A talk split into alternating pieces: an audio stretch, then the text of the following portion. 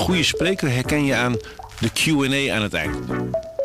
Onze lifehack-expert Martijn Aslander geeft je adviezen waar je echt wat aan hebt. Beluister en bekijk Martijn of een van onze andere experts op businesswise.nl. Businesswise, het nieuwe platform voor iedereen met ambitie.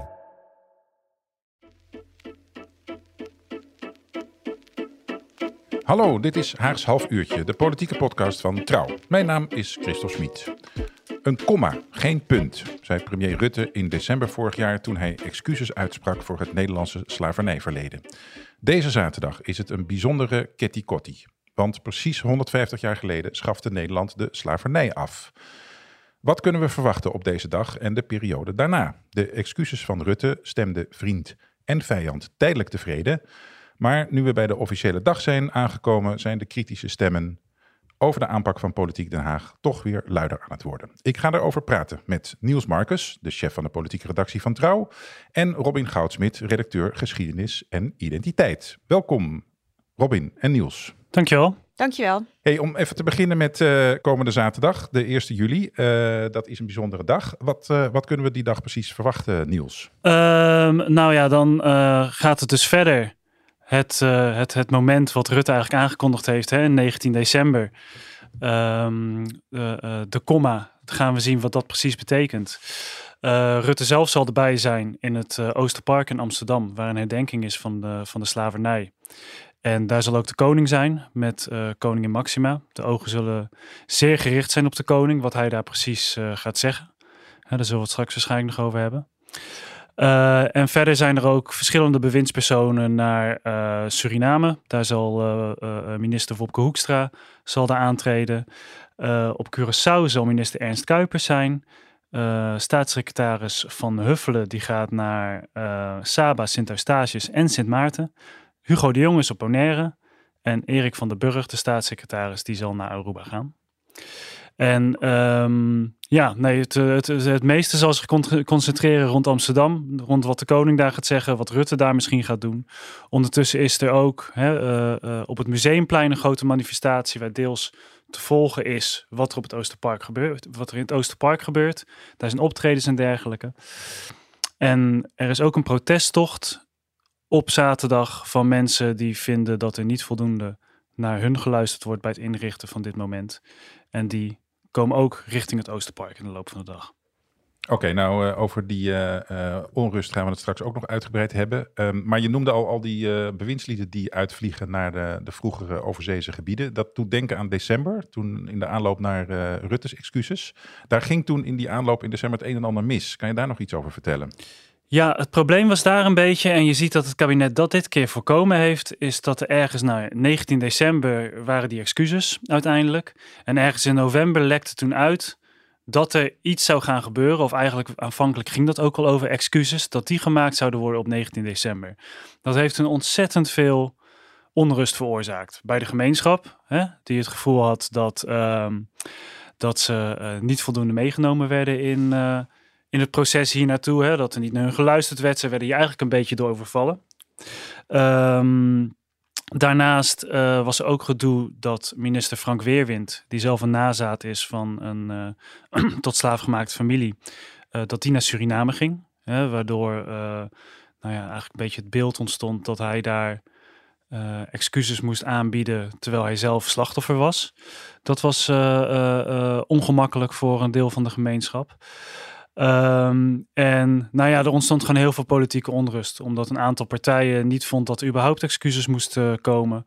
Um, de VVD, de partij van premier Mark Rutte zelf, zat er ook een beetje dubbel in. Hè. Enerzijds steunden ze eigenlijk wel op de achtergrond alles wat er gebeurde. Maar voor de camera's waren ze toch wel wat, uh, nou ja, wat terughoudender. Um, dus ja, dat was een heel uh, rommelig proces, vooral in de communicatie. En nou ja, je ziet dat ze dat dit keer daarom heel anders doen. Dat er ook nog niet uitgelekt is wat de koning gaat doen om onrust te voorkomen. Oké, hey, ja, nu is, zijn, is natuurlijk alle aandacht gericht op die uh, toespraak van de koning. Je zegt al van, daar weten we nu nog niet zoveel van, maar wat, wat verwacht jij er zelf van? Wat, wat gaat hij zeggen? Ja, ja, als ik mag speculeren, uh, dan ja, het ligt voor de hand dat daar uiteindelijk toch ook een vorm van excuses zal komen. Hè, daar is toch echt breed om gevraagd vanuit de gemeenschap. Uh, je hebt er natuurlijk bij andere grote uh, misstanden uit het verleden hè, gezien dat de koning uiteindelijk ook voor Indonesië excuses aangeboden heeft.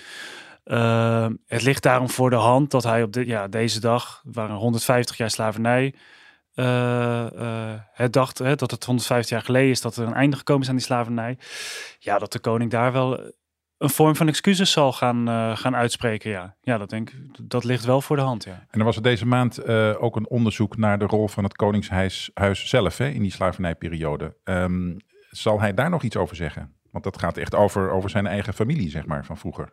Ja, zeker. Ja, dat onderzoek dat, uh, is een boek geweest... Hè, waarin de, de, de, slavenhandel tussen 1675 en 1770 onderzocht is.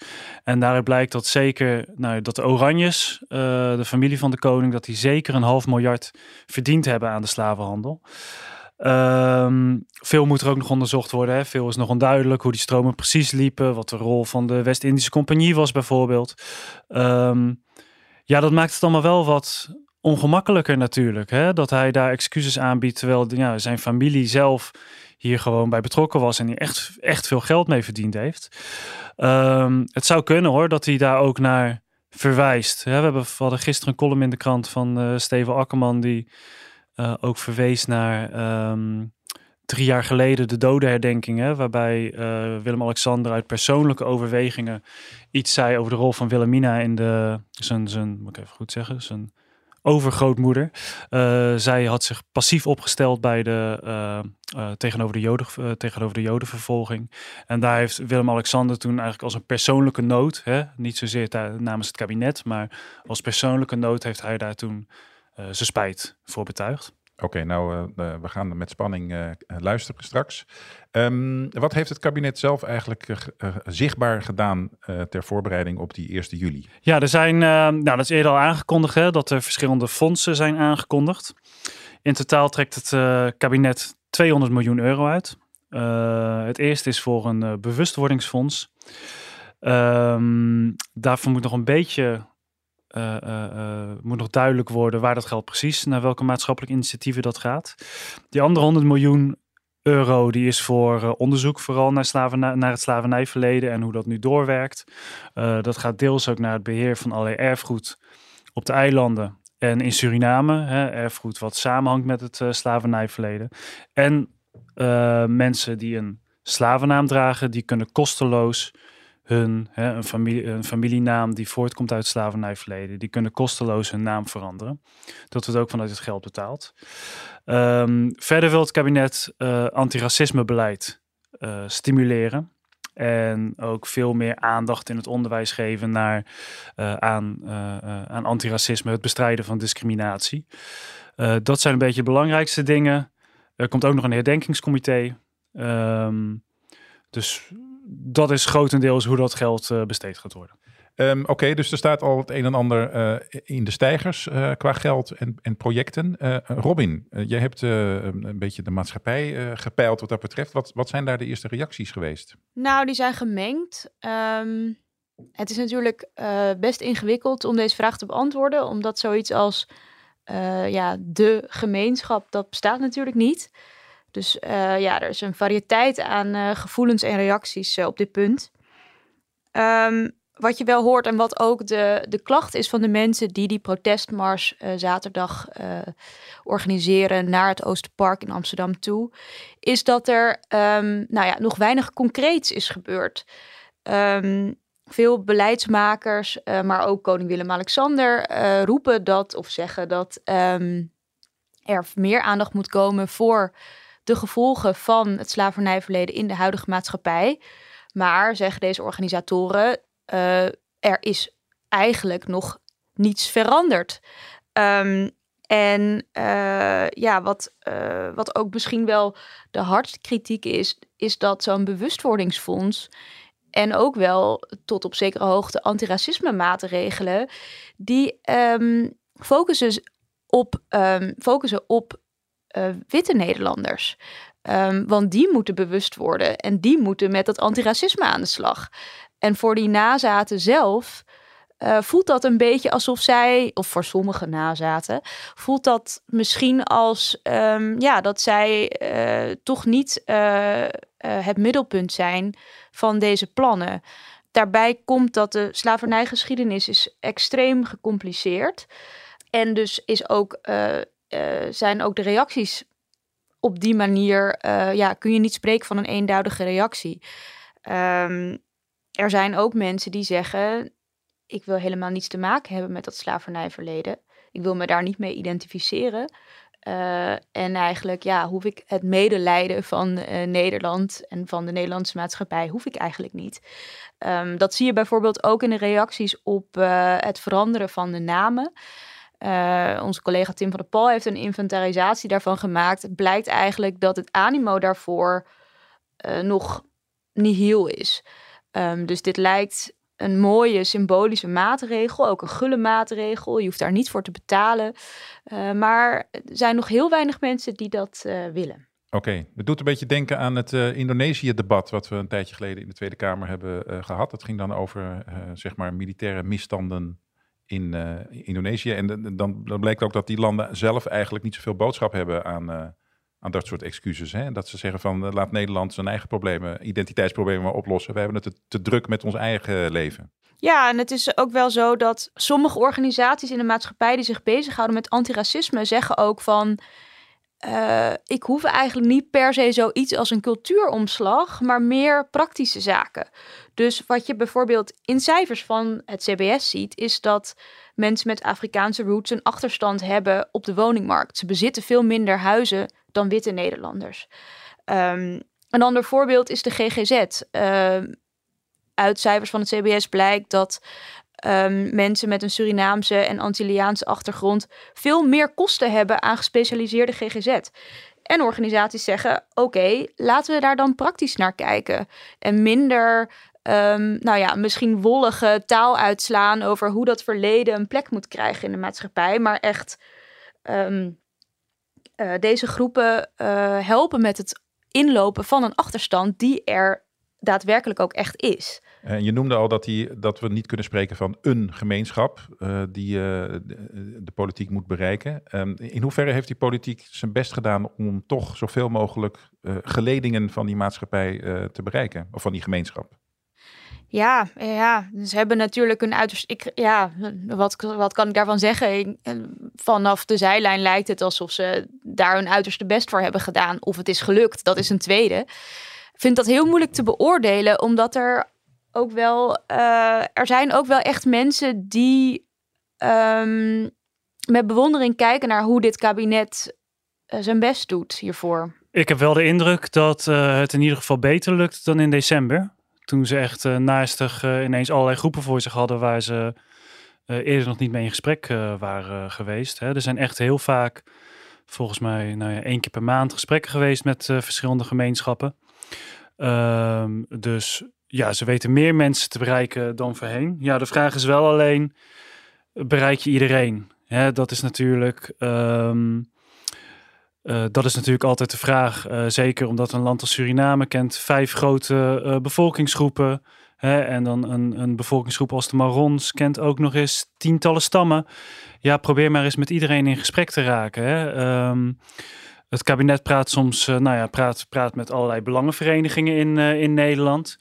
Uh, wij mogen ook als pers niet precies weten wie dat allemaal zijn, omdat sommige mensen um, graag anoniem willen blijven of niet, liever niet bekend willen maken dat zij met de overheid spreken.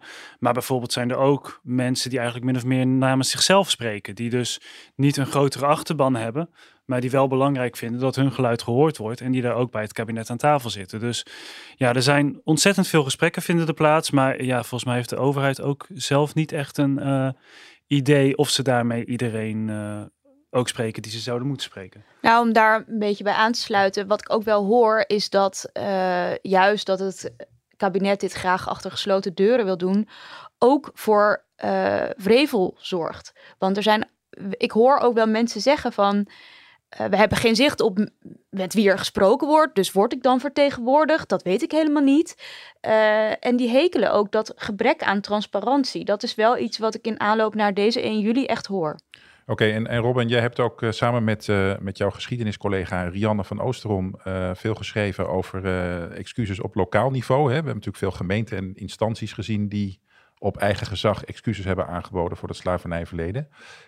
Wat heb jij daar opgepikt dat lokale niveau? Nou, wat ik wel heel bijzonder vond te merken is dat echt overal waar je ook naartoe belt in het land zijn er mensen bezig met dit verleden. Of dat nou vanuit een gemeente is, of vanuit een provincie, of vanuit um, beroepshistorici, maar ook mensen die gewoon echt graag willen weten uh, wat zich uh, in hun woonplaats heeft afgespeeld uh, in die periode van de geschiedenis. Um, ja, dat vond ik ook wel tot op zekere hoogte ja, ontroerend, hoopgevend dat er zoveel mensen ook heel hard aan het werk zijn om dichter tot de ander te komen en zich te verhouden tot de geschiedenis. Dat was eigenlijk, ja, Rianne en ik vonden dat een heel um, vrolijkmakend stuk om aan, aan te werken, terwijl het toch over een uh, zwarte bladzijde in de geschiedenis gaat. Um, ik denk dat 1 juli, deze 1 juli wordt wat dat betreft ook wel bijzonder, omdat ik dit wel eens uh, de 1 juli zou kunnen zijn waarop de meeste lokale initiatieven zijn, de meeste dialoogtafels, uh, de meeste lokale vieringen. Um, en, maar wat natuurlijk ook de andere kant daarvan is, is dat wij voeren een maatschappelijke discussie in onze krantenpagina's en uh, in de Tweede Kamer. En daar is alles tot op zekere hoogte een beetje abstract. Op lokaal niveau zul je zien dat um, tegenstanders van excuses wel degelijk ja, te maken zullen krijgen um, uh, in real life met mensen die juist heel erg voor meer bewustwording zijn. Dus die gesprekken zullen veel directer plaatsvinden. En in zekere zin denk ik dat de maatschappij wel eens een andere zou kunnen zijn uh, als we op maandag weer met z'n allen naar kantoor gaan. Oké, om toch even het overstapje te maken naar die, uh, vermeende, dat vermeende abstracte niveau van de landelijke politiek, uh, Niels, waar jij natuurlijk heel veel van weet. Um, uh, nog maar kort geleden, relatief, een paar jaar, was het eigenlijk ondenkbaar dat er een meerderheid was voor het aanbieden van excuses. als ik het goed heb. Het is heel snel gegaan. Hoe, hoe zou jij de, de, de, politieke discussie van het afgelopen pak een beet half jaar sinds die december-excuses, hoe zou je dat willen schetsen? Wat is er gebeurd? Ja, nou misschien wel uh, opvallend respectvol eigenlijk. Uh, ik kan me Kamerdebat herinneren naar aanleiding van de excuses van uh, premier Mark Rutte.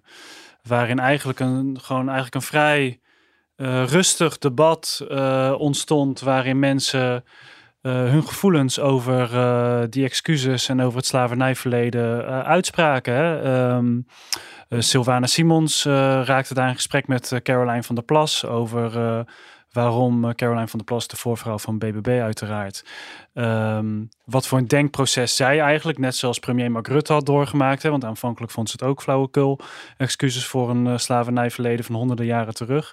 Maar inmiddels zag zij wel in, onder meer door gesprekken met uh, Sylvana Simons uh, in het rookgedeelte van de Tweede Kamer, uh, dat, uh, nou ja, dat het dit veel betekent voor mensen met een, met een, met, met, met een achtergrond zoals Simons die heeft. Um, dus ja, dat was eigenlijk een, een soort gedachteuitwisseling. Um, ontstond daar ook breder in de Kamer, waar je inderdaad ziet wat, wat Robin net schetst, dat er toch echt wat aan het verschuiven is. Uh, een paar jaar geleden waren, nou ja, zagen heel veel partijen, ook de VVD zeker, die zagen excuses absoluut niet zitten. Uh, inmiddels is de VVD daar ook in mee. Hè? Die, uh, die ondersteunde die excuses van premier Mark Rutte ook volmondig. Hey Niels, en uh, wat natuurlijk in de politiek altijd gevoelig ligt, dat is geld. Uh, die herstelbetalingen, uh, de verschillende fondsen, hoe, uh, hoe liggen daar de verhoudingen in de, in de Kamer? Ja, dat is nou iets waar volgens mij nog niet heel erg veel meer beweging in gekomen is eh, sinds december. Ehm, ja, de, de, de, kijk, die fondsen die zijn ook al, hè, die 200 miljoen plus een beetje ook, ja, daar zijn, zijn ook niet alle partijen het, uh, het over eens. De voor de VVD hoeft dat bijvoorbeeld niet zo nodig. En voor BBB, eh, die vinden excuses prima, maar waarom uh, nu geld uittrekken voor, voor dit soort dingen? Um, laat staan dat, er partijen, dat die partijen miljarden willen uittrekken voor herstelbetalingen voor wat mensen in het verleden aangedaan is. bij de linkse partijen is hier grote steun voor.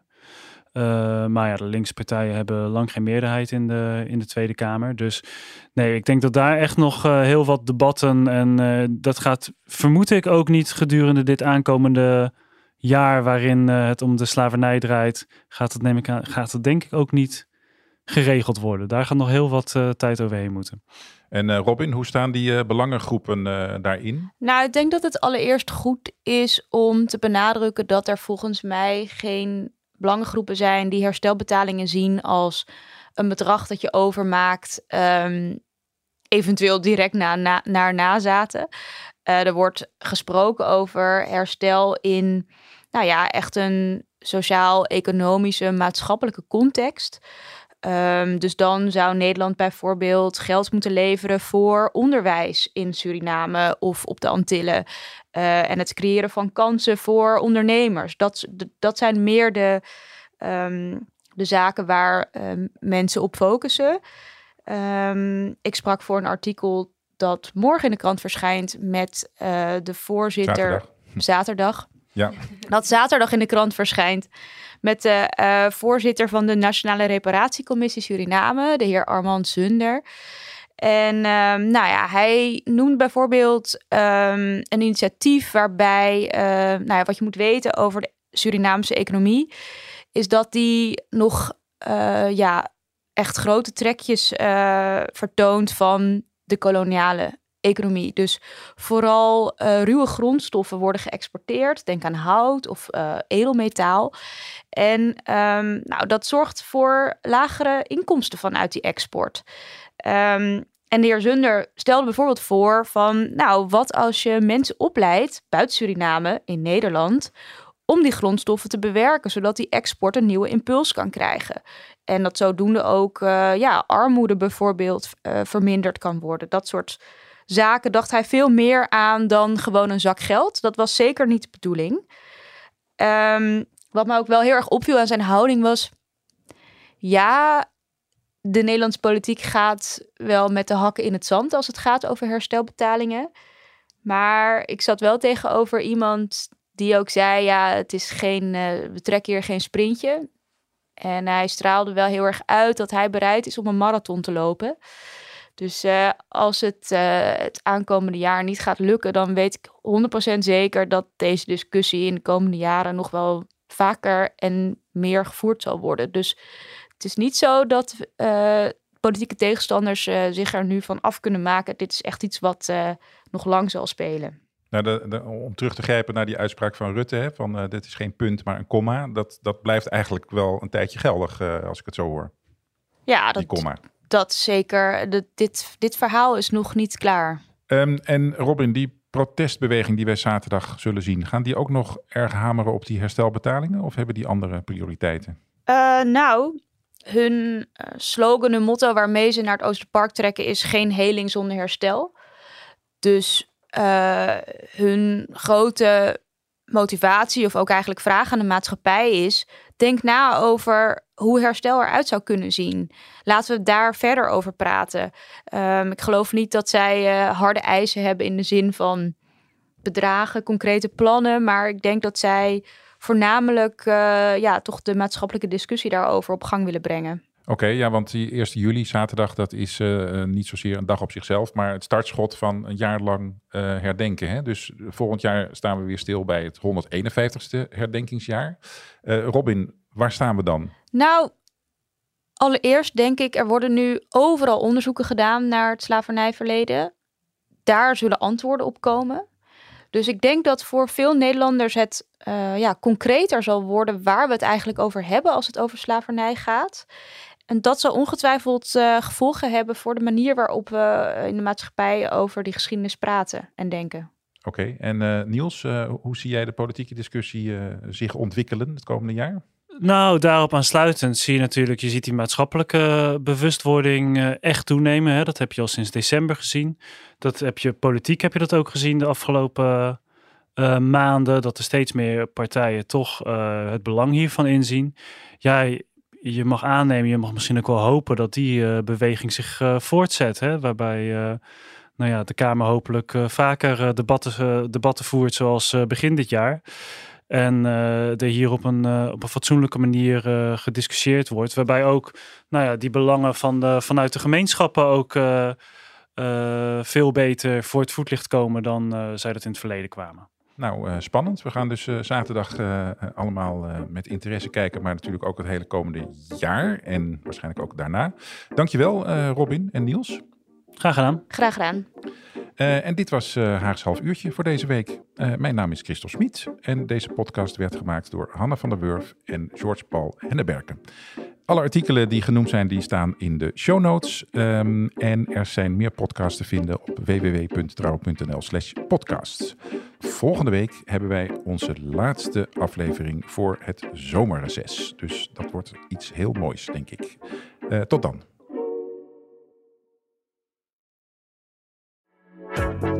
Een goede spreker herken je aan de QA aan het eind. Onze lifehack-expert Martijn Aslander geeft je adviezen waar je echt wat aan hebt. Beluister en bekijk Martijn of een van onze andere experts op businesswise.nl. Businesswise, het nieuwe platform voor iedereen met ambitie.